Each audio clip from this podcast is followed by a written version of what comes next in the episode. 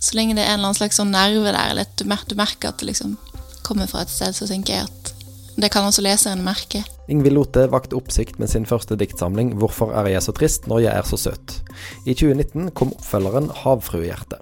Lote besøkte Sølvberget høsten 2019 for å møte Sølvbergets poesigruppe for ungdom. Vi tok en prat med henne før det. Ingvild Lote, du er på Sølvberget i dag fordi at du skal snakke for denne poesigruppa vi har for ungdom. Eh, Hvilken verdi gir det deg å, å snakke med andre om eh, poesi? Du er jo poet sjøl. Jeg syns først og fremst det er veldig spennende å høre hva andre tenker om poesi. Liksom, hva betyr poesi for deg? For det er jo veldig mange innganger til poesien. Eh, og spesielt når man er yngre, så tenker jeg at det er perfekt for deg. Da er man kanskje litt åpen for nye ting i forhold til eldre mennesker.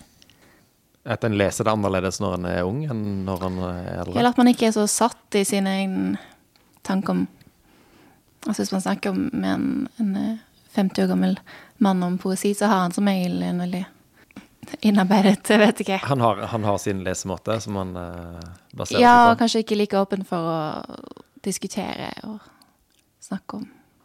Så det syns jeg er veldig spennende. Jeg har ikke gjort det så mye, da. Vært med unge og snakket om det. Men eh, Ja. jeg har jo snakket mye om poesi i Ja. andre settinger. Mm. Men eh, snakker du da helst om eh, din egen diktning, eller eh, snakker dere om poesi eh, bredere? I dag, tenker du? Ja, Ja. når du møter ungdom, mm. liker du å snakke om dine egne ting, eller vil du Jeg vil gjerne høre hva de holder på med. Mm. Hva de holder på med? Ja, Ja. det syns jeg er spennende. Altså bare livet deres? Hva de Nei, driver med? Nei, hva de skriver på, og hva de vil. Ja, sånn, ja. Ja. Men ja, så jeg, jeg håper jo at de vil liksom dele litt av det, de som Mm. kommer. Men man kan jo ikke presse de. Nei, det, det er jo sant. Ja. Du, du nevnte det i begynnelsen her at det er mange innganger til poesi. Hva, var din, ditt første møte med det? Det må nok ha vært sånn vanlig sånn pensum i skolen. Type ting. Og da følte jeg vel kanskje som veldig mange andre føler at det ikke hadde så mye med meg å gjøre. Hvorfor hadde det ikke det? Altså Mye av det man leser i pensum, i hvert fall når jeg gikk på skolen, var jo for det første mye som var ganske utdatert. Gammelt. Mm. Klassisk. Mm. Likt.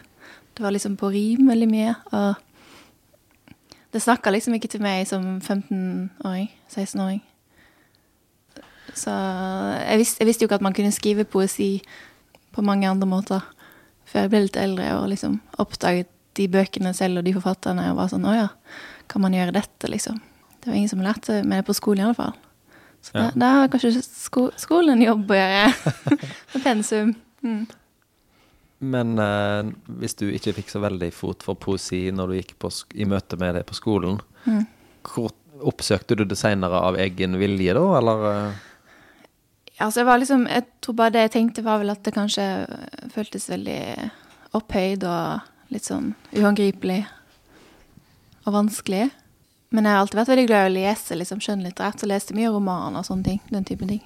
Men eh, det var vel egentlig først jeg begynte på Jeg gikk på forfatterstudiet i Bø og ble introdusert for veldig mye. Da kom det liksom lærere og sa liksom Det her burde du lese.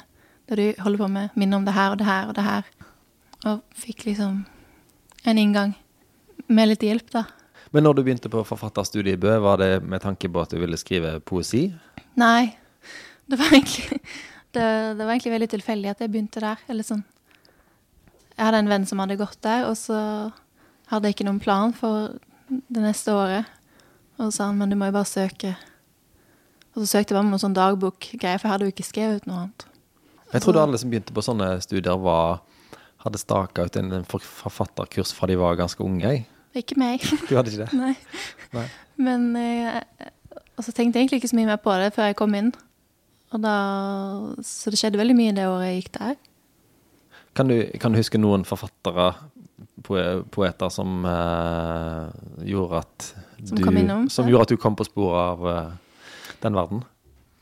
Det var en lærer vi hadde som het Kristin Berge, som er en norsk poet som introduserte meg for mye svensk poesi, for eksempel.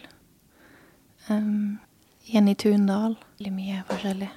Ja, nei, men så var det vel egentlig bare med at jeg begynte å lese én bok, så begynte jeg å lese om det, og så begynte jeg å finne, finne ting på egen hånd. Mm. Mm. Så begynte jeg å lese mye sånn dansk samtidspoesi, som eh, kanskje er litt mer sånn edgy enn den norske og den svenske har hatt tradisjon for å være. Litt mer sånn direkte og litt kul, kulere. De er litt kulere i Danmark. Ja. Ja. Og så var det jo også det at man skrev tekster på skolen, og så fikk man tilbakemelding eh, av lærer og de andre i klassen. Og da var det liksom, når jeg skrev dikt, at det slo an, da. Jeg litt sånn Du trenger ikke skrive prosa, Ingvild, du kan skrive dikt. ja. Du er ikke så flink til å skrive historier. så da fortsatte jeg med det, da. Dikt er jo en, kanskje den mest sånn eh, personlige sjangeren. Ja, det er nok det. At du leser det, og så snakker det direkte til deg som leser, og du kan tolke det på mange måter. Eh, kan en lære seg å skrive dikt, eller er det noe en har eller ikke har i seg? Altså, jeg tror veldig på at man kan At man må ha et eller annet For det første man har lyst til å formidle, da. Men jeg tenker man kan i alle fall lære seg å bli en mye bedre leser. Og hvis man er en god leser, så blir man også en bedre forfatter, tenker jeg. Så, for hvis man er en god leser, så kan man jo lære seg å se hva som funker og ikke funker i en tekst, da. Mm. Så jeg tror absolutt man kan lære det, men jeg tror, jeg tror ikke det er for alle, nei. Det tror jeg ikke. Hva, hva legger du i det å være en god leser? Nei, altså Det er jo Om du klarer å lese en tekst på flere nivåer, om du klarer å finne en inngang til en tekst som du kanskje syns først er vanskelig, om du klarer å finne en måte å gå inn i den på, og gripe den på Det er sånn som man kan lære seg, tenker jeg. Ja. For noen sånn Kanskje hvis det hadde vært Ja, for ti år siden, da, for min del, så hadde jeg kanskje bare tenkt sånn Det her forstår jeg ikke, og lagt det vekk. Mens nå blir det sånn, hvis jeg syns noe er litt vanskelig, blir det sånn, da skal jeg i hvert fall finne ut av det. Og så går man inn i det på en annen måte. Og det har jeg nok lært meg, ja. Mm. Nettopp. Ja.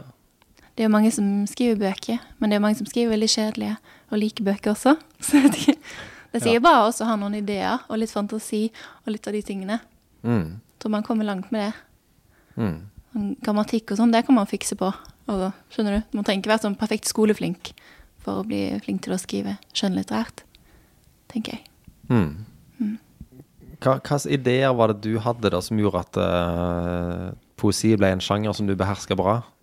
Det er vanskelige spørsmål. Um, jeg tror det kanskje, kanskje det først og fremst at jeg var veldig sånn uredd. At jeg ikke har så mye filter når jeg skriver. Altså filter med tanke på uh, hva du vil legge ut? Hva du vil uh, Ja, altså, jeg, Ja, jeg kan skrive om alt, jeg. For jeg tenker sånn, så lenge det Det er jo fiksjon. Det, det tror jeg er litt nyttig. Og også det å tenke sånn her Det trenger ikke være så pent og vakkert alltid. Det skal også være liksom gøy, og det kan Så lenge det er en eller annen slags sånn nerve der, eller at du merker at det liksom kommer fra et sted, så tenker jeg at det kan også leseren merke, Mm. kanskje. Jeg kan i hvert fall merke det hvis jeg leser ting selv. Mm. Mm. Men igjen, hvorfor det blir sånn, jeg vet ikke. Nei. For du spør jeg andre om. Er du, er du en som har um, Har du en stor uh, Produserer du mye for søppelbøtta? Eller uh, hvor mye uh, skriver du per ferdig dikt? Hvis jeg kan spørre så banalt. Altså, jeg skriver jo Jeg skriver jo sakte, på en måte. Eller jeg jobber jo veldig sånn på setningsnivå.